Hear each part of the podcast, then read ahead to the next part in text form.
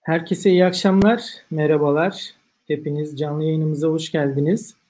Ee, bugün yine e, mutat olduğu üzere 3 e, e, farklı platformda aynı anda canlı yayındayız. Şu anda bizleri LinkedIn, Facebook ve YouTube üzerinden canlı olarak izleyebiliyorsunuz. Bu hafta yine dolu dolu bir program hazırladık. Çok değerli bir konuğum var. Birlikte markalaşma ve dijitalleşmeyi konuşacağız. Sevgili Levent Elmas abi. Sektörel bilgi ve tecrübesiyle bize engin bilgilerini bugün paylaşacak ve faydalanmaya, istifade etmeye çalışacağız kendisiyle. Ben kısaca hemen bir girizgah yapmak istiyorum açıkçası. E, çünkü biz haftada bir kez e, yayın yapıyorduk, canlı yayın yapıyorduk. O da çarşamba günleri saat 21 e, gibi yapıyorduk. Bundan böyle haftada iki güne çıkarmış olduk canlı yayınlarımızı. Haftanın ilk günü yani pazartesi günleri Startup Teknoloji başlığı altında Türkiye'nin önde gelen başarılı girişimci arkadaşlarımızı canlı yayında ağırlayacağım. E, onlarla girişimcilik hayatı üzerine, girişimcilik e, deneyimlerini ve tecrübelerini konuşacağız. E, girişimciliği e, özenen, isteyen arkadaşlara e, faydalı olacak diye. E, haftanın ikinci programını ise Perşembe günü yapacağız. Perşembe günü de marka, e, dijitalleşme, e, sosyal medya, e, sosyal medya üzerine, dijital marketing üzerine e, ve bu gibi konular üzerine e, programlar yapacağız. Türkiye'nin önde gelen değerli isimlerini e, programa e, davet edeceğim. E, bu arada e, eğer e, çevrenizde veya kendiniz için de olabilir hem Startup Teknoloji Programı için hem de e, ikinci programımız olan Harekete Geç programımız için tavsiye edeceğiniz isimler olursa lütfen bana e, altta banttan geçen mail adresine e, maille ulaşabilirseniz çok çok sevinirim. E, ben şimdi hemen hızlıca, e, biraz geç başladık çünkü yayınımıza. E, Levent abiyi programa alacağım. E, kendisine hoş geldin diyelim. Levent abi hoş geldin. Hoş bulduk İsa Bey. Merhaba, nasılsınız? Merhaba. Sen Merhaba. nasılsın abicim? Nasıl gidiyor İyiyim, pandemi süreci? Evet. Valla pandemi süreci evet oldukça zor. Tabii ki de e, sosyal mesafeyi çok e, dikkat ederek ve işte şirketteki arkadaşlarımızla diyalogumuza e, özen göstererek işte evimize de 21'den önce gelip e, böyle e, normal dışarı çıkma yasağına da e, uymaya çalışarak e, sürdürüyoruz. 3 ay gibi uzun zamandan beri de gerçekten bu normalleşme süreçleriyle ilgili e, ciddi geri dönüşler bekliyoruz hükümetten özellikle. Tabii malum hafta sonu mağazaların kapalı olması e, hiçbir markanın isteyeceği e, bir şey değil. Hele yemek yerlerinin kapalı olması bazen arkadaşlarımızla da öğlen aralarında e, gidiyoruz çeşitli kahve içmeye yerlere ve orada da gerçekten zor durumlar yaşıyoruz.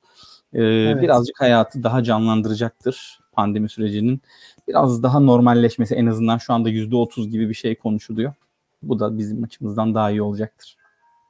Umarım e, bir an önce ülkemiz ve bütün dünya tabii ki sadece ülkemiz için geçerli değil, bütün dünya bu illetten kurtulur ve İnşallah. her şey döner. Gerçekten çok sıkılmış durumdayız. Bütün herkes aynı şekilde.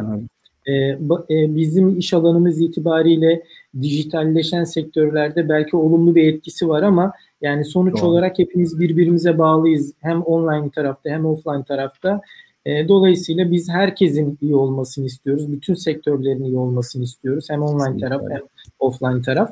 E, Levent abi ben e, girişte e, se, senden kısaca bahsettim. Aynı zamanda Hı-hı. slaytlarımızda da geçti. Kısa bir özgeçmişini Hı-hı. yayınladım. Fakat ben e, bir de senin ağzından e, dinlemek istiyorum. Levent Elmas kimdir dediğimizde bize neler söylersin? Kısaca bahsedebilir misin? Tabii hemen söyleyeyim. Ee, öncelikle evliyim. İki çocuk babasıyım. İki tane erkek çocuğum var. Ee, bunlardan bahsetmek benim için gurur ve onur verici. Ee, İstanbul'da doğdum 1979 yılında. Ee, Samsunluyum aslen. E, bunu da söyleyeyim. E, İstanbul Üniversitesi Bilgisayar Mühendisliği bölümünden 2001 yılında mezun oldum. Okurken özel bir e, kolejde, Taş Koleji adını da söylemekten e, onur duyarım. Yani e, sevinirim. E, Özel Taş İlköğretim Okulu'nda e, öğretmenlik yaptım 97-2001 yılları arasında. Onun haricinde 2004 ile şey 2002 ile 2004 yılları arasında bir e, ajans açtım. Bir bilgisayar alım satımı e, yapmaya çalıştım birazcık e, satış tarafında açıkçası e, kendimi konumlandırmaya çalıştım ve çeşitli firmalara kurumsal internet siteleri yazmaya çalıştım. O dönemde klasik ASP, Active Server Page, işte ASP ile çeşitli e, yazılım geliştirmeye e, gayret ettim. E, ondan sonra 2004'te askere gittim. Geldikten sonra da Tekzen'de ilk profesyonel iş hayatıma başladım. 10 Kasım hı hı. 2005'te. E, burada açıkçası e, güzel bir süreçti benim için. 10 e, 9 10 yıllık bir sürecim var orada. İşte web uygulamaları uzmanıyla başladığım sırasıyla işte yazılım e, tak, ekip takım lideri, ekip lideri ve yazılım yönetmeni, e, yazılım müdürü pozisyonuna kadar yükseldim. Ondan sonra da tabii ben hep e-ticaret yazılımı yaptım ve hep e-ticaret konularıyla ilgili işte ödeme sistemleri, e-ticaret altyapısını özellikle Texam Framework diyorduk ismini. E, o zaman ben ve e, takım arkadaşlarımla birlikte takriben 5 kişilik bir ekiptik. E, onun ondan sonra önce e, Gülaylar, şey Altınbaş, Altınbaş'tan sonra Gülaylar, Gülaylardan sonra e, Bernardo ve Bernardo'dan da Dagi'ye geçtim. E, buralarda hep e-ticaret müdürlüğü görevini üstlendim. Daha sonra son 3 ayımda Dagi'de e-ticaret direktörü olarak e, devam ettim. Buradan da e, Lüfiyan'a e-ticaret direktörü olarak e, Aralık'ta e, 21 Aralık'ta başladım. E, güzel bir serüven olacak benim için.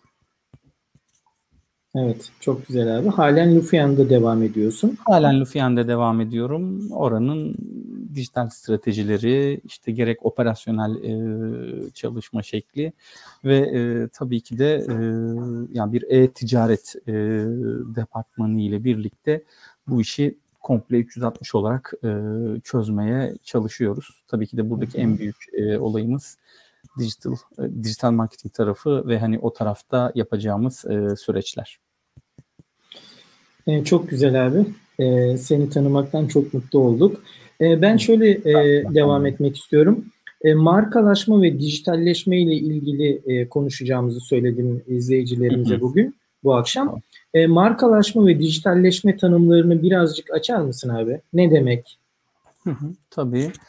Şimdi markalaşma e, öncelikle böyle e, terim olarak markalaşma aslında e, son kullanıcının gözünde kendine özgü ve dayanıklı algılar yaratılma e, yaratma süreci. Yani bir insan e, bir markanın adını söylediğinde aklına ilk ne geldiği işte Volvo diyoruz aklımıza ilk ne geliyor.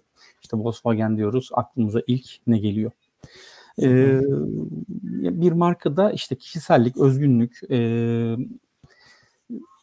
beğenilirlik ve birçok şeyin birleşimiyle birbirine e, sarılı olan kalıcı bir e, eşsiz bir kimlik. Yani o e, firmanın e, kendi kimliği e, markada dediğimiz şey. Yani e, bir markanın adını duyduğumuzda o markaya ait bir ürün grubu da aklımıza gelebilir. Veya o markayı duyduğumuz zaman e, işte mesela algide dondurma diyoruz. Hani gerçekten belki bir ağzımız yani dondurma yemişiz gibi bir e, şey geliyor. Veya işte Etikaram'ın e, reklamları var biliyorsunuz. Çok farklı bir şey kafada algıda bırakıyor. markalaşma süreci gerçekten o marka kimliğinin ve e, o kişiliğinin oturduktan sonraki sürecinde o e, tüketici tarafında e, bıraktığı ve yarattığı his markalaşma.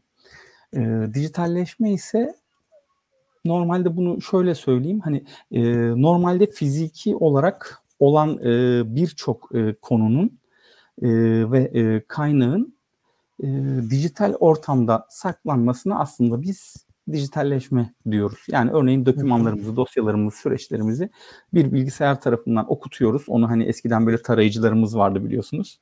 Evet. Ee, bunu dijital bir ortama aktardığımız zaman e, sanki işte e, bütün her şeyimiz dijitalleşmiş oluyordu. Yani örneğin e, eskiden düğün e, şeylerinde kasetlere çekilirdi.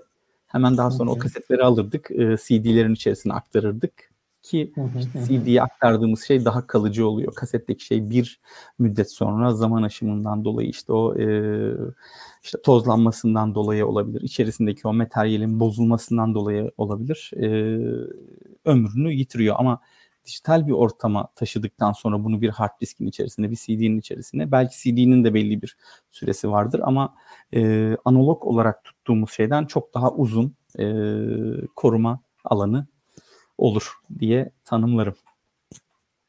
Süper abi. Aslında marka e, şöyle bir şey. E, biz o ismi duyduğumuz zaman, marka ismini duyduğumuzda bizim algımızda yer ettiği şey, yani ne Doğru. ifade ettiği ile alakalı gerçekten dondurma örneği ve etikaram örneği çok ciddiye evet, oturdu. Evet. Volvo örneği de aynı şekilde. Yani Tabii Volvo güç. arabası olmayan dahi e, Volvo denince akla ne geldiğini bugün bize çok rahat bir şekilde söyleyebilir, ifade edebilir. Bu da aslında o markaların başarısı mı olmuş oluyor Levent abi? Elbette markanın aslında e, bizim tarafımıza o geçirdiği e, akılda kalıcılık. Yani e, evet yani bir Volvo dediğimiz zaman şöyle düşünelim hani e, hep e, vardır böyle şeylerde e, benim de birkaç kere de başıma geldi açıkçası. E, E5'te gidiyorum yani Şahin önde duran bir Volvo'ya çarpmış. Bakıyorum ön tarafı paramparça ama Volvo'nun arkasında işte birazcık çizik Hani ne olmuş? Şahin içeriye girmiş ama e, işte veya işte Tofaş neyse. Volvo'ya hiçbir şey olmamış. Ama Volvo'ya hiçbir şey olmamış. İşte or, orada bir e, ne kadar kuvvetli, ne kadar sağlam olduğu e, aslında söylediği şey ile e, orada bize gösterdiği şey birbiriyle tutarlı olduğu için daha kalıcı bir hale geliyor. Hmm. Evet. Yani biz hani evet. söylediği şeyin aksini yaşamıyoruz. Evet. Aslında aksini yaşatan markalar da var. Yani var. çok böyle mükemmel reklamlarla, çok mükemmel e, özellikle dijital e, tarafta e, çok e, yaygın ve yoğun bir reklam bombardımanı, e, akılda Kesinlikle. kalıcılık ama iddia ettiği şeyi yapmadığını fark ettiğimiz anda hayal kırıklığı ve o markayı çok çabuk bir şekilde e, duygu dünyamızda ya da evet, algı evet, evet hemen çöpe atıyoruz Siliyoruz. yani hızlı bir şekilde. Kesinlikle Çok öyle. doğru. Yani ee, marka iddia ettiği şeyde samimi olacak ve hani onun da arkasında hı. durabiliyor, pozisyonda olacak ki marka olsun. Şöyle sorayım diğer sorumu. E, markamızı bir markamız var. E, bu Hı. markamızı nasıl dijitale e, taşıyabiliriz, dijitalleştirebiliriz? Markalaşma ve dijitalleşme süreçlerini e, bu kapsamda birazcık e, anlatır mısın? Tamam. Ee, hemen şöyle söyleyeyim İsa Bey. Ee, yani öncelikle markada e, şey söylemiştim hani bir kurumun içerisinde yaptığımız bütün manuel şeyleri e, dijital ortama geçirmek aslında bunu dijitalleşme süreçlerine sokmak gibi bir e, pozisyondu. Ben burada aslında şöyle bir örnek vereceğim. Bir örnekle açıkçası an, anlatacağım bunu. Mesela örneğin bir İK e, departmanımız var ve hani son dönemde de biliyorsunuz şimdi hani insanlar genelde şirketlere de gitmiyor ve İK'lar e, şirketlerde ama e, insanlar evlerinde ve dijital bir ortamda artık çalışmaya e, başladılar. Gerçekten bu kişinin gerçekten işe gelip gelmediğini veya işte e, bu kişi bir izin alıyor ise işte izin alıp almadığını veya izne hakkı olup olmadığını e, veya işte ne bileyim hani bir, bir, bir bes, bir e, avans, bir zimmet ihtiyaçlarını e, sonuçta bunların hepsi normalde normal süreçlerde nasıl oluyordu? İzin için bize kağıt dolduruyorlar, imza atıyoruz. Veya işte zimmet için ona bir zimmet belgesi düzenliyoruz. O zimmete imza atıyoruz ve o zimmet belgesini de e, yan tarafa bırakıyoruz. Bütün bu süreçlerinin tamamını son dönemde çok e, meşhurdur. Siz de biliyorsunuz işte çeşitli İK e, entegrasyonları ile işte kolay İK gibi çeşitli programlar ile bunları biz dijitalleştiriyoruz. Aslında yapılan manuel bir işin bilgisayar ortamına aktarılmasını sağlıyoruz. Örneğin mesela hani bizden sürekli bir arkadaşımız gelip hani e, izin isteye istiyor olabilir ama e, atıyorum o e, hani program içerisinde a, hemen bir rapor alıp ha işte hangi A kullanıcısı işte e, ayda şu kadar izin alıyor, B kullanıcısı şu kadar izin alıyor, C kullanıcısı bu kadar izin alıyor gibi hemen anında bütün şey bütün işin o zaptrapt altına alınıyor ve o işin bütün detaylarını biz görebiliyoruz. Bu aslında gerçekten de e, dijitalleşiyoruz e, diyebiliriz burada. Şimdi bu süreçlerde açıkçası e, en büyük e, olay gerçekten e, benim için hani kafamda mesela şekillendirdiğim zaman firmanın önce hangi noktadan e, bu dijitalleşme sürecine geçeceğini önce bir tespit etmesi lazım. Hı hı. Tabii ki de gene markalaşma sürecinde farklı bir şeyde doğru hedef kitlenin seçimi. E, gerçekten e, önemli. Yani doğru kitle ile e, insanlar normalde love mark olurken nasıl daha önce TV reklamları, billboard reklamları, işte e, masaüstü reklamcılıktan daha çok işte e, şey beklerken offline kanallarda şeyin evet offline kanallarda hmm. kendisini gösterirken şu anda ise daha çok e, öncelikle telefonlarımızda daha sonra bilgisayarlarımızda daha sonra o dijitalin geçtiği bütün panolarda ekranlarda evet. ekranlarda evet. Yani mesela hani e, bir şeye biniyorsunuz e, otobüse biniyorsunuz. Otobüste bile hala e, bir iletişim bombardımına bombardımanına tutuyoruz e, hedef kitlemizi. E, dolayısıyla hani burada öncelikle doğru yer e, hangi hedef kitle bizim kitlemiz bu dijitalleşme süreçlerinde evet reklamımı dijitalleştireceğiz ki e, reklam şu anda ister istemez dijital olmak zorunda kaldı. Çünkü hepimiz evlerimize kapandık. Ve işte atıyorum şu anda Zoom ile işte benim iki oğlum da e, şeye giriyor, online olarak eğitime giriyor.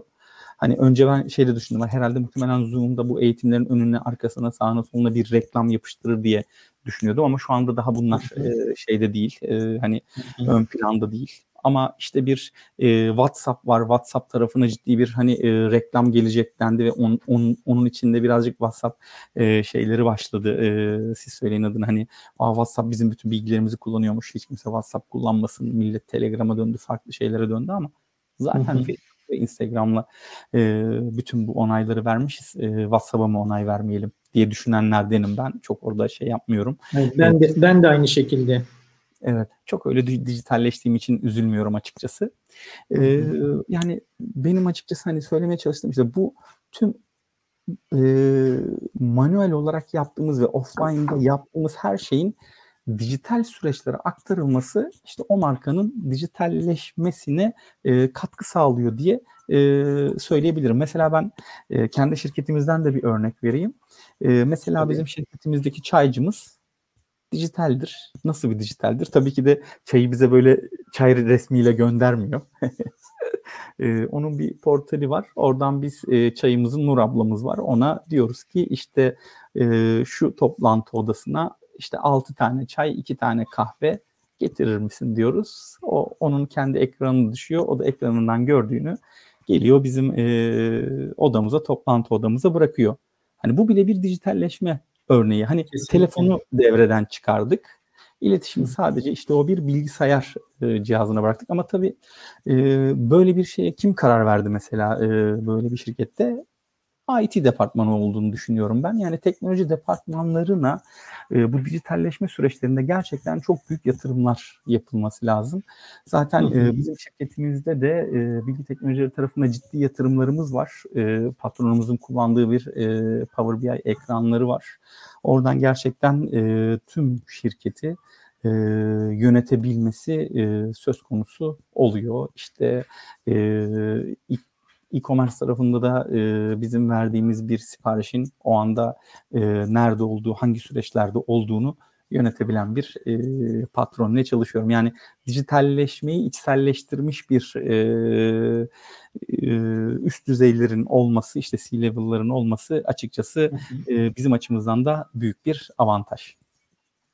Süpermiş abi. Canlı kanlı örnek vermiş oldun Lufian'dan evet. da. Böylece Lufian'ın iç e, kısmında olan dijitalleşme süreçlerini de e, birazcık fikir sahibi olmuş olduk. E, ne mutlu size abi. Böyle e, teknolojik ve dijital bir şirkette çalışıyorsunuz ve e, bir departmanın başındasınız. E, umarım daha da e, iyi süreçler olur ileriki dönemde. Evet. E, ben şöyle bir soru sormak istiyorum abi bu konumuzdan sonra.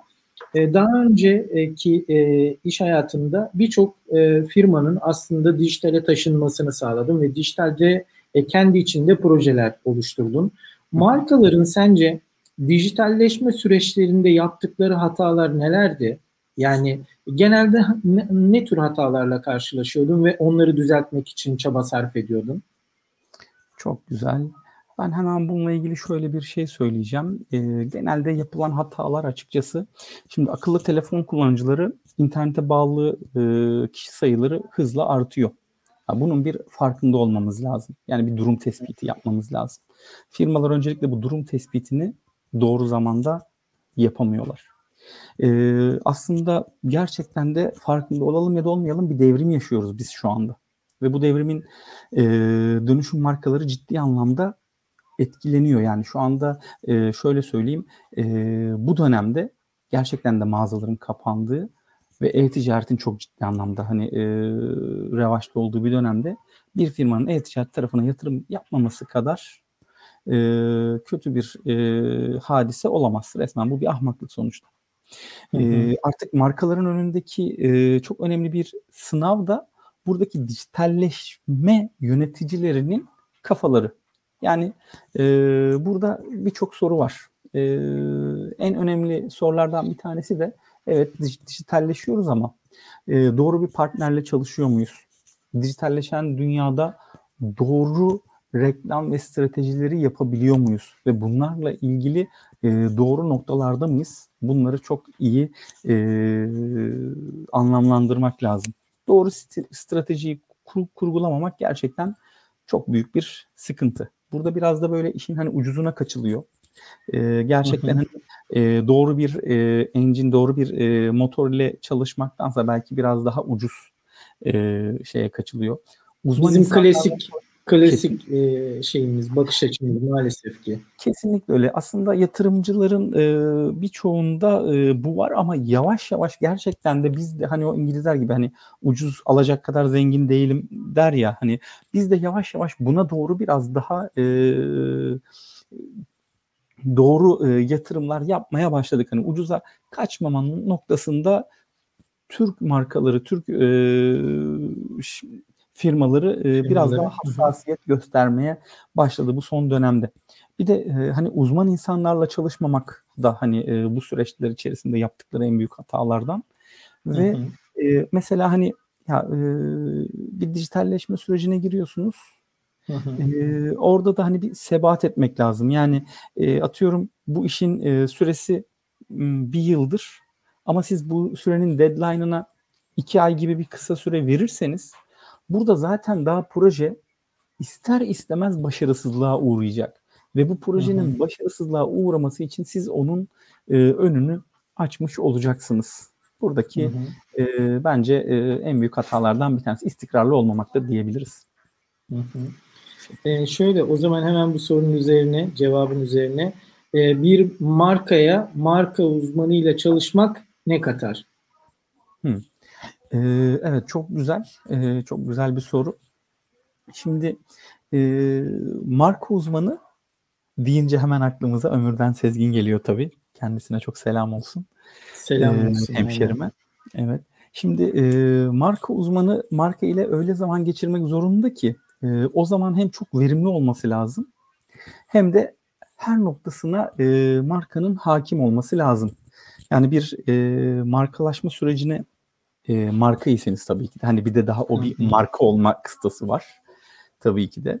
E, marka uzmanı aslında firmanın ne söylemesine e, ne söylemesi gerektiğini o söyleme e, karar verdiğini ben düşünüyorum.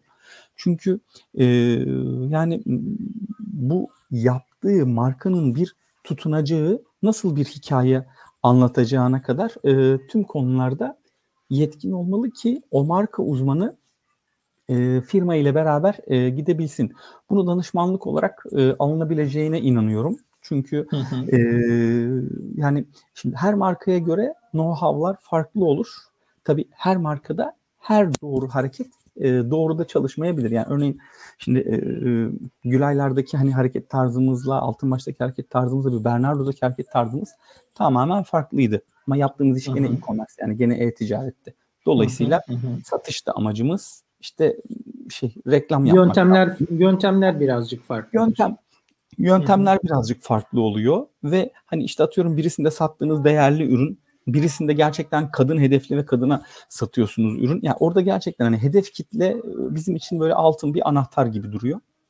E, marka uzmanının E, anlatacağı e, hikayede ben hep şöyle düşünüyorum. E, hemen bir örnek de vereyim. Şimdi Bernardo'da mesela yemek pişiren bir kadını biz e, hayal ettiriyorduk. Niye? Hı hı. Çünkü e, granit tencere satıyoruz. E, hı hı. Çelik tencere satıyoruz. İşte e, bunlar ne pişiriyor? Bir yemek pişiriyor. E, şeyimiz var mesela çok güzel. Hani biz e, örneğin Ramazan ayında her akşam işte e, Bernardo'nun bir tenceresiyle nasıl bir e, yemek pişirebiliriz? Bunu anlatmaya çalıştık örneğin. Ya bu da bir e, hikaye ve e, işte burada aslında biz hani e, Bernardo deyince yemek pişiren bir kadın akla getirmek istiyoruz veya gerçekten çok kaliteli e, yemekleri e, yapan bir e, kadın e, hayal ettirmek istiyoruz veya işte atıyorum hani o sofrayı biliyorsunuz işte yemek takımları satıyoruz işte e, masa örtüsü, e, örtüsü satıyoruz. Mutfağı ve o yemek odasını e, tertemiz olan ve hani işte onu gerçekten çok güzel kombinleyebilen ve çok güzel e, takımlarla sunum yapan bir kadını e, hayal ettirmeye çalışıyoruz. Dolayısıyla e, bu hissi satmaya çalıştırmak ve hani bu uğraşıların tamamı aslında marka uzmanının e, işi diyebiliriz veya işte e, pazarlama e, direktörlerimiz de e, bu konuda gerçekten e, verimli olduklarını düşünüyorum. Yani pazarlama biriminin aslında belki de bir işi bu e, malum. Bir de e, mesela hani Dagi'deyken de mesela biz hani e, ben bir şirkete bir yani içerik uzmanı e, almıştık. E, mesela onlar da mesela şey yapmıştı hani e, bir e, Dagi'nin atleti ne kadar kaliteli ve hani onun içeriğindeki e, ihtiva eden e, ürünlerin ne olduğunu bunu bir şekilde e, müşt şeylerimize anlatmamız gerekiyordu. E, müşterilerimize. Müşt evet yaşayın. Müşterilerimize an, anlatmamız gerekiyordu. Bunların hepsi açıkçası gerçekten çok önemli ve çok titiz bir e, incelik e, istiyor. Ha, bir Dagi'nin atleti, bir Dagi'nin işte iç çamaşırı nedir? Kimler giyer? E, hangi kalitede olur? E tabii kalite ve rahatlığı özellikle de e, o dönemde anlatmaya çalıştığımız şeylerden bir tanesiydi. Yani marka Hı-hı. uzmanı ile çalışmak gerçekten e, değer katar firmaya diyebilirim. Evet. Ve e, aslında buradaki e, marka uzmanı e, marka ile beraber işi büyütmüş oluyor. Yani doğru, bir, doğru. bir süre sonra o yolculuğa e, yön veriyor. O yolculukta markanın yanında yer alıyor ve ona bir nevi koçluk yapıyor aslında. Evet, evet, evet. E, Levent abi peki e, dijitalin bu kadar içindeyken e, gözlemlediğin kadarıyla Türkiye'deki e, böyle low marklar diyelim ya da diğer firmalar diyelim sence e, dijital dönüşümü tamamlayabildiler mi? Özellikle pandemi döneminde bahsettik biraz önce. Pandemi döneminde e, firmalar, markalar mecburen dijitale geçmeye başladılar. Yani giyim markaları dahi dijitalde çok farklı e, ürün yelpazeleri e, su, e, müşterilerine sunmaya başladı. Ve şaşırmıştık e, pandeminin ilk başladığı dönemde.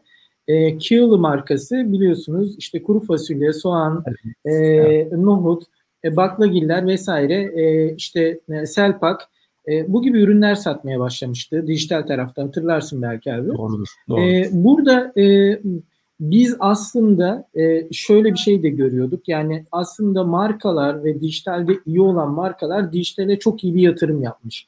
O dönemde e, dijitale iyi yatırım yapanlar pandemide zaten bir anda öne çıktılar. E, ve sonrasında arkadan gelen markalarsa e, e, yatırımlarını devam ettirdi. E, peki gözlemlediğin kadarıyla yeterli mi? Yani e, markalar sence dijital dönüşümü tamamlayabildiler mi Türkiye'de?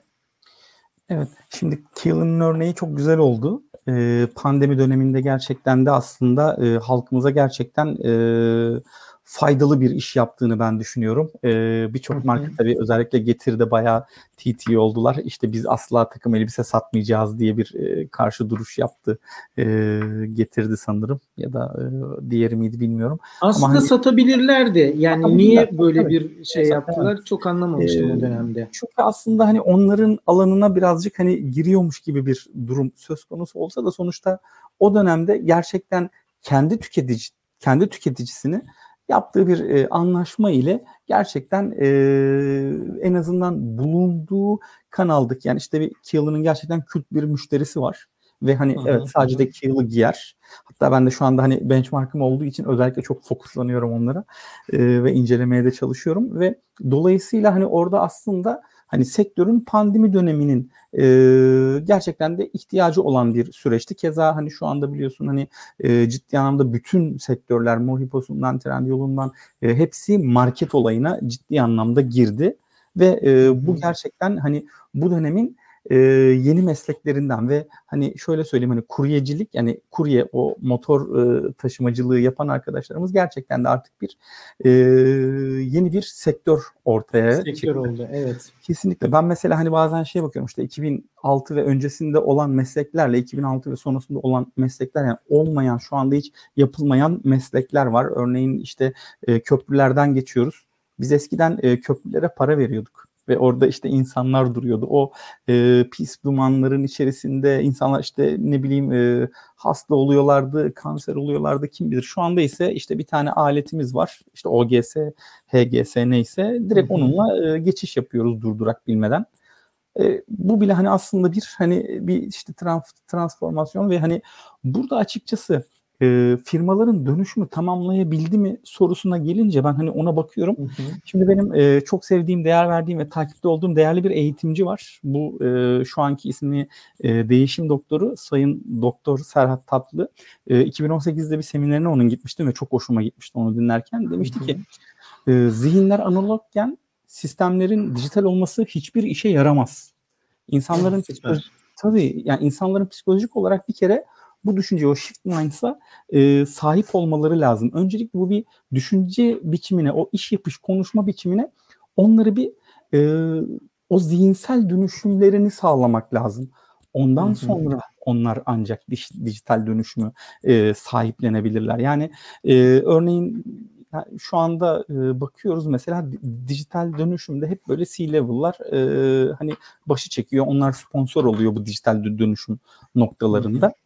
Ama e, bunu e, uygularken o dijital dönüşüm zihnine sahipler mi? Bir de gerçekten bunu e, acaba kimin sahiplenmesi gerekiyor?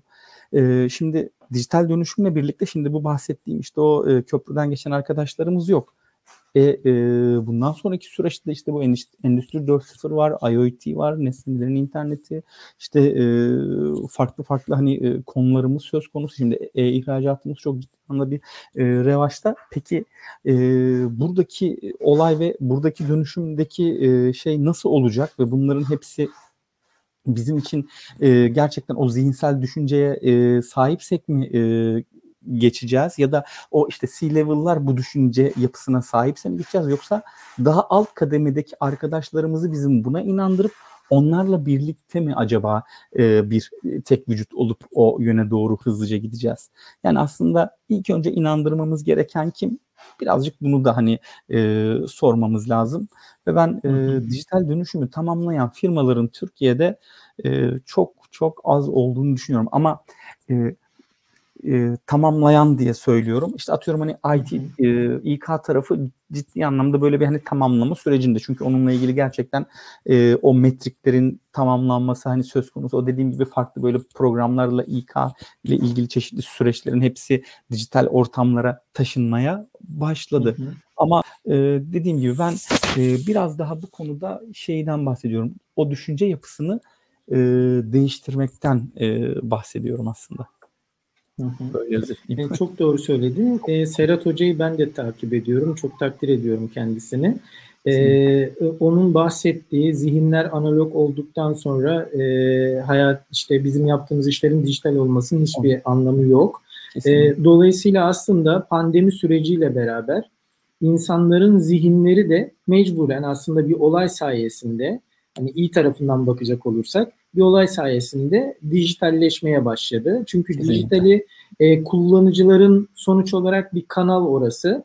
E, biz markalar olarak o kanallardan kullanıcılarımıza ya da müşterilerimize ulaşacağız. E, fakat e, o kullanılmadıktan sonra, oraya alışkanlık olmadıktan sonra hiçbir önemi yok. Yani Kesinlikle. hiçbir anlamı yok.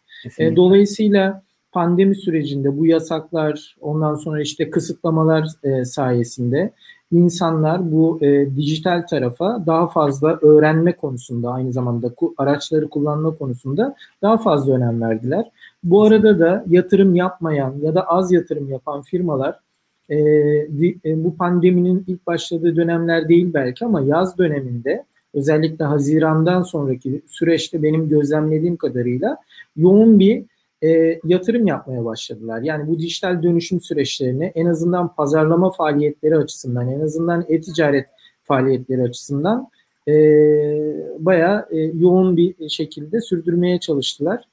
E, ben bu şekilde düşünüyorum abi. Ama firmaların tamamen dijitalleşmesiyle alakalı yani bütün süreçlerini İK'da dahil tamamen bütün süreçlerini dijitalleştirmesiyle alakalı bence orada e, maliyetler birazcık e, markaları şey yapıyor, e, sıkıntıya sokuyor. Çünkü gerçekten dijitalleşmek aynı zamanda markalara veya firmalara bir yük getiriyor e, günün sonunda. Ve şu anki ekonomik durumu da göz önünde bulundurursak e, e, onlar da açıkçası e, çok elzem olan e, taraflara e, dokunuyorlar. Çok elzem olan tarafları e, dijitalleştirmeye çalışıyorlar. E, bu şekilde düşünüyorum. Benim fikrim de böyle abi. Hemen Kesinlikle arkasından şöyle bağlayalım. E, marka olan ve dijitalleşme sürecinde sorun yaşayan yaş, e, sorun yaşayan birkaç markaya örnek verebilir misin? Bu Türkiye'deki markalardan da olabilir Levent abi. Global markalardan da olabilir. Neyi hatalı, yanlış yaptılar? Çok güzel. E, globalden vereyim bence. E, şimdi e, ben şöyle söyleyeyim. Mesela bunu aslında hani hep böyle e, yüksek lisanslı da böyle hani konu olarak da böyle şey yapmıştım, seçmiştim. E, mesela örneğin işte Kodak ve Nokia e, gerçekten e, Kodak 1990'ların e, o vazgeçilmez e, fotoğraf e, şey e, şey yaptığımız hani kullandığımız bir e, araç ve hani işte bizim e, benim gerçekten de 36'lık e, şey alıp e, Poz. E, Ha poz alıp işte onun şu anda adını şey yapalım anımsayamadım. Poz diyorduk ee, silindir bir şeyin diyorduk. içerisinde. Evet, silindir içerisinde evet. Onu alıyorduk ve gerçekten de onunla e, işte 36 tane poz çekebiliyorduk. Kimi zaman ben hani hatta bununla ilgili bazen işte e, cep telefonuyla fotoğraf çekerken de hep takılıyorum. Ya diyorum hani elini flaşa doğru tutma ki yanmasın poz falan diyorum. Çünkü orada e, bazen elimizi poza doğru tutuyorduk. O deklanşörün önüne doğru tutuyorduk. Bazen de o e, merceğin önüne doğru tutuyorduk. E, sadece elimizi çekmiş olabiliyorduk.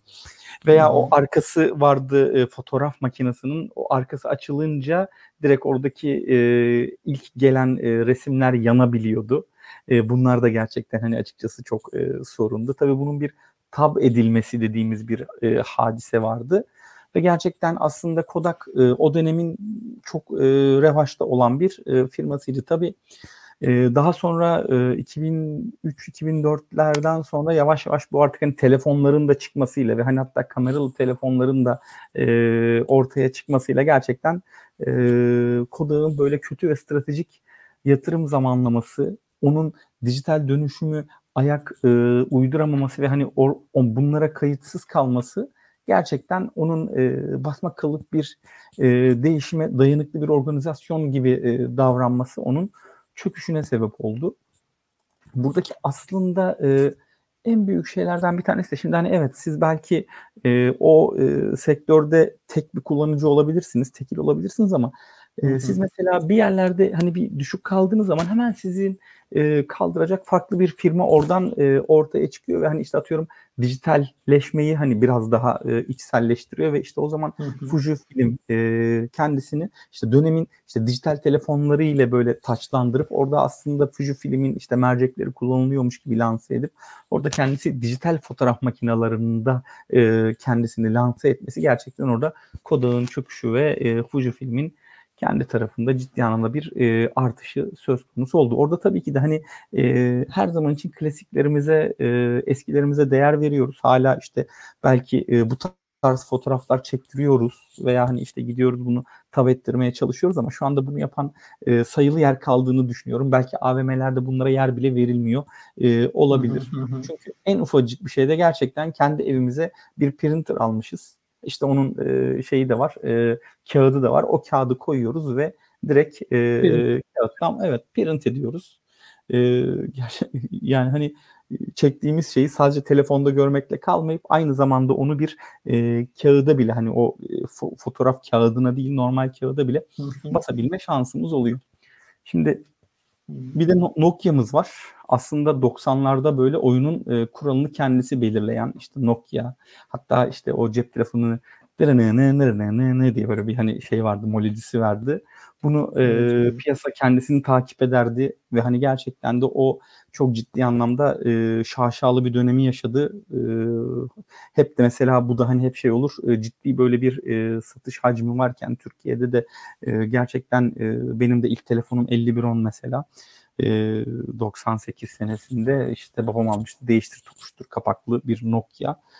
gerçekten hani o dönemin çok şeyiydi. Çok çok iyi hatırlıyorum abi. Ben de o dönemde başlamıştım e, telefon evet. sektörüne. 98 yılında. E, o 8110, 3110, 5110, 6110 evet, o şekilde evet. ilerleyip gitmişti. Harika. Aynen öyle. Şimdi e, o Nokia ne oldu? E, 2013 yılına kadar gibi hani hatırlıyorum. Nokia'nın CEO'su yani e, biz hiçbir şeyi yanlış yapmadık diyerek işte ağlayarak Microsoft'ta Nokia'yı sattığı sırada ciddi anlamda e, hani böyle bir hazin bir son yaşadı.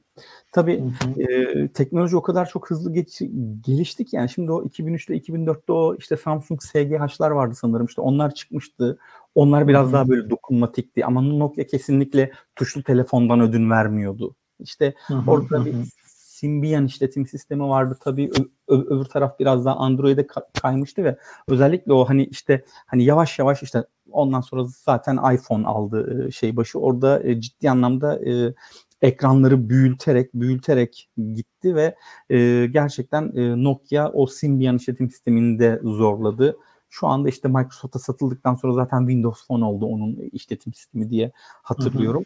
Hı hı. yani evet hiçbir şeyde yanlış yapmamış e, olabilir ve hani her şeyi doğru yapmış da olunabilir ama hı hı. ya bu değişime buna gerçekten e, inanması ve ayak uydurması gerekiyor. Hani direnmemesi gibi, direnmemesi yani gerekiyor. Yani, kesinlikle. Yani orada gerçekten bir durum tespiti yapacak o anda stratejiyi Hı-hı. iyi kurgulayacak, ucuza kaçmayacak, uzman insanlarla Hı-hı. çalışıp istikrarlı olacak. Ya burada aslında bu noktalardaki hatalarından dolayı işte Nokia kendisini e, maalesef ki işte Samsung ve e, iPhone'a e, bıraktı. Apple tarafına ve tabii ki de hani dediğim evet. gibi pazarda bir tanesi çok geriliyorsa gerçekten onun hemen yerini tamamlayacak, hemen onun e, ardın sıra gelecek e, firmalar ve oyuncular e, pazarı domine ediyor. Biz evet, burada... rekabet rekabet çok acımasız. Kesinlikle öyle. Yani orada e, tökezlememek gerekiyor. Aslında bizler evet. de öyle yani. Bizim de işte bir günümüz aslında bir önceki günümüzden farklı. Sürekli kendimizi geliştiren, hani e, ömür boyu eğitime e, şey o zihin yapısına sahip olan e, bireyler olmak zorundayız. Ki ben hani Kesinlikle. anlatayım yani ben bir yazılımcıyım. E, 2005'te Tegzen'e başladığım zaman klasik ASP ile Tegzen'in e-ticaret altyapısını yazmıştık. Hemen 2008'de e, aslında .NET de o dönemde birazcık hani e, revaçtaydı benim test KSP'li yap, yazdığım dönemde ama tabii benim ona çok fokuslanacak zamanım yoktu. Tegzen gerçekten elemanına da yatırım yapan bir firmaydı. Beni bir eğitime gönderdi. İşte MCPD diye böyle bir eğitim vardı sanırım o dönemde sağ olsun. E, o zamanki IT müdürüm şu anki Tegzen'in genel müdürü e, Onur Bey ciddi anlamda hani bize yatırım yaptığı için biz hemen 2008'de teknolojiyi tamamen değiştirdik. Daha sonra 2012'ye doğru e, şey kattığımız yeni arkadaşlarımızla beraber e, ne yaptık? MVC tabanlı olarak e, yazmaya başladık. Çünkü teknoloji hiçbir şekilde aynı şekilde kalmıyor. Sürekli kendini yeniliyor ve biz o değişen teknolojiye adapte olmak zorundayız. Şimdi Endüstri 4.0 devrimi var. 3D yazıcılar var. 3D yazıcılarla insanlar artık hani yani ne diyordu işte 2023'te mi 2025'te mi işte hani e, böbrekler çıkacak. Hani belki de o lazer yazıcıdan o böbrekler nakil edilebilecek diyor. İşte sonra ne IoT dedik işte nesnelerin interneti e, devreye giriyor. Internet of Things. Ve hani işte atıyorum buzdolabımız kendi kendine belki de Migros'tan e, yumurta ve e, yoğurt siparişi verecek siz hiç fark etmeyeceksiniz. Bir daha bir bakacaksınız ki kapınıza gelmiş. Keza ben mesela şu anda e, şey de söyleyeyim işte iste gelsinden bazen sipariş veriyorum. Şu anda aklıma geldi. Ama bugün getirmiyor. Yazıyor yarın saat 11 ile 12'de gelecek. Sıkıntı yok. Yarın arkadaşımız da evde. E, siparişi veriyoruz. Yarın e, ürünlerimiz geliyor. Gerçekten de bunu şu anda e, te, e, buzdolabımızda da gerçekten öyle bir mekanizma olsa ve işte a işte yumurta tarafında yumurta işte atıyorum iki tane ve aza düştüğü zaman siparişi otomatik kendisi verse sonrasında işte sipariş kapıya gelecek. Tabii ki de bir insana ihtiyaç var. Hala bu işleri işte kapıdan alacak onları e, rafa dizecek olan insan ama e, o insanın da kesinlikle kendisini kapalı e, tutmaması ve sürekli bu e, yeniliğe açık olması gerektiğini savunanlardanım. Bizim çünkü sürekli kendimizi geliştirmemiz, sürekli bir yerlere götürmemiz lazım. Aynı yerde, aynı durumda kalmamamız lazım. Dijitalleşme Aynen, önemli. Kat, katılıyorum Levent abi. Özellikle e, Nokia hikayesi hüzünlü bir hikaye gerçekten. E, kendim de telekom sektöründe e, ilk profesyonel e, iş hayatıma başladığımda e, Nokia süreçlerini hem kullanıcısı olarak hem de e, iyi bir Nokia'cı olarak e, çok iyi takip etmiştim ve o maalesef batış sürecini ne, nasıl battığını çok iyi gözlemleme şansım olmuştu. Ha, çok güzel. Ee, daha güzel dinleriz o zaman. evet ileride bundan bahsedeceğim muhakkak. Olur. E, şöyle Levent abi e, biz e, programın başında da söylemiştik. E, bizi izleyen izleyicilerimiz, e, arkadaşlarımız, dostlarımız e, böyle sorular e, soruyorlar. E, birkaç tane soru geldi zaten. Onlardan hemen ilkini e, Bülent Bey e, sormuş sanırım. Levent Bey'e bir sorum olacak. İlk başta marka oluşturmada ilk adım nedir? Kısa kısa cevaplar e, rica edeceğim abi. Diğer soruya tamam. geçeceğim çünkü. Tamam. Merhaba Bülent Bey, teşekkürler dinlediğiniz için. E, akşamın bu vaktinde zaman ayırmışsınız. E, şimdi markalaş, marka oluşturmadaki aslında ilk adım sizin tabii o şirketi kurmuş olmanız. E, ondan sonra evet e, ürünü de doğru seçmişsiniz. Üründen sonra demişsiniz harika. E, bundan sonraki süreçte aslında ilk adım dediniz ya ben e, biraz önceki hani şey e, girizgahta şöyle yani sizin aslında o ürününüzü alacak olan hedef kitlenin kim olduğunu belirlemeniz lazım. Hedef pazarınız neresi? Hangi e, il diye sorayım. İşte atıyorum e, Gülaylar'da biz hani bir sistem geliştirdik mesela. Baktık ki Doğu illerinde daha ağır gramlı altınlar satıyoruz. Batı illerinde daha düşük ağır daha düşük gramlı ürünler satıyoruz. Ne oldu? Doğu illerindeki ağır gramlı ürünleri aldık, change ettik. Batıya, batıdaki ağır gramlıları gönderdik e, doğu tarafına ve dolayısıyla bir anda gerçekten de hani elde biriken ürünlerin ciddi anlamda eridiğini ve hani e, oradaki aslında doğru hedef kitleye doğru e, ürünü sunmaya çalıştığımız şey sunduğumuzu gördük. Sizin de ürünleriniz tek parça değildir anladığım kadarıyla. Birden farklı belki de hani ürün gamınız vardır. O ürün gamınıza göre kadına mı hitap ediyorsunuz yoksa erkeğe mi hitap ediyorsunuz? Ürün gamınızın ne olduğunu anladıktan sonra o hedef kitleyi belirledikten sonra benim hani dönem şu anda e, e dijital dönemi sosyal medya tarafında çeşitli reklamlar ile e, bunları özellikle tanıtmanız. Ya ticaret yapıyoruz ya ticarette bile hani birazcık böyle e, etrafımızı, network'ümüzü e, kullanmamız gerektiğine e, inanıyorum. Çünkü onların e, beğenileri ve onların yönlendirmeleriyle bir yerlere gidiyorsunuz. E, Ben onları da e, çok ciddi değerlendirmenizi düşünüyorum. Hedef kitle diyorum. İlk adımımız. Teşekkürler. Hedef İkinci sorumuz Ersin Bey sormuş. Bir marka nasıl akılda kalıcı hale gelir? İsimle mi, ürünle mi, reklamla mı?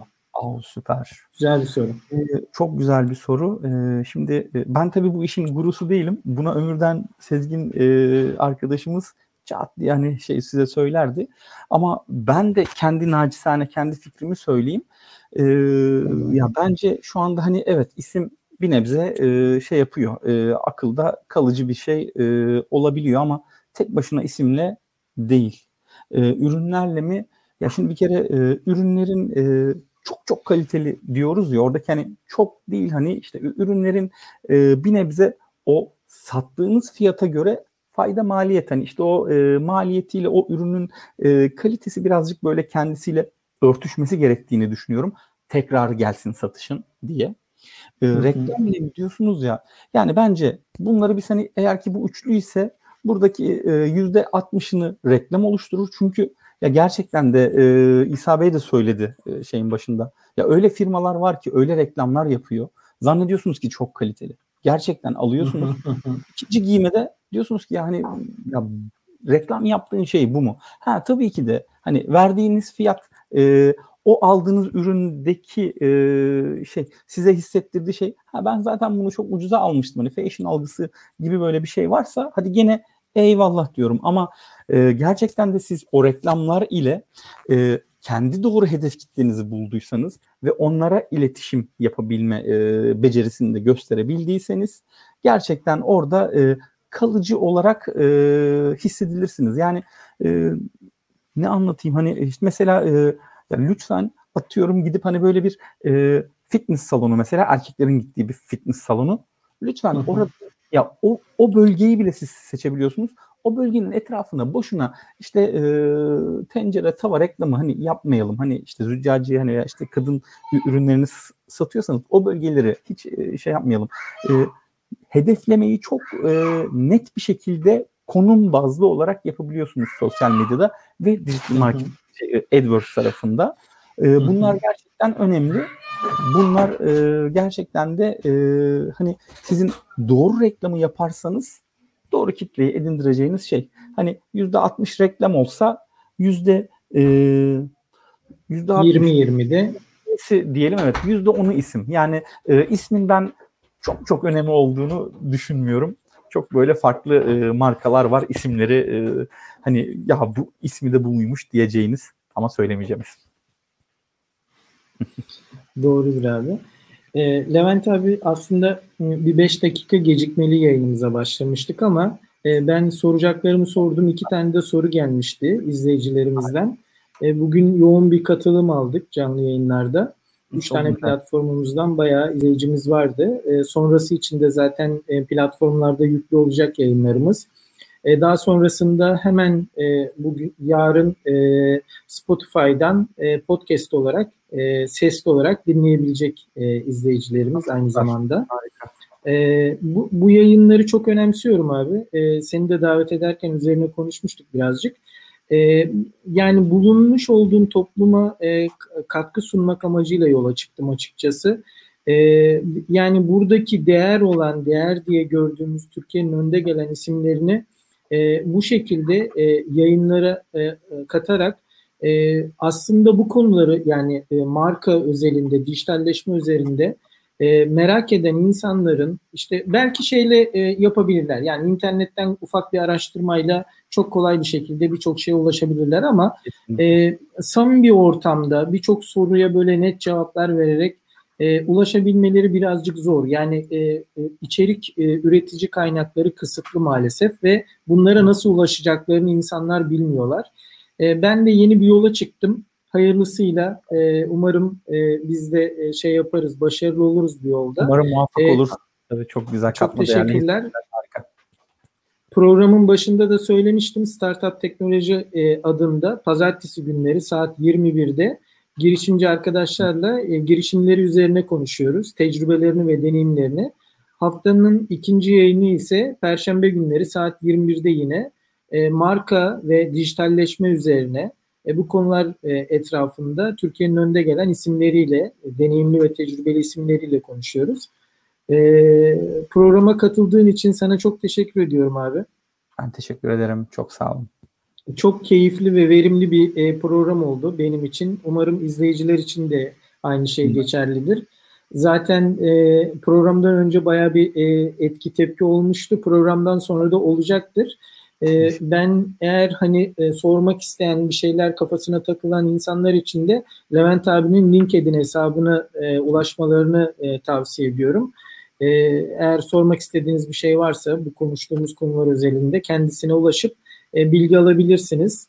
E, bu şekilde e, çok teşekkürler. Herkese e, çok teşekkür ediyorum.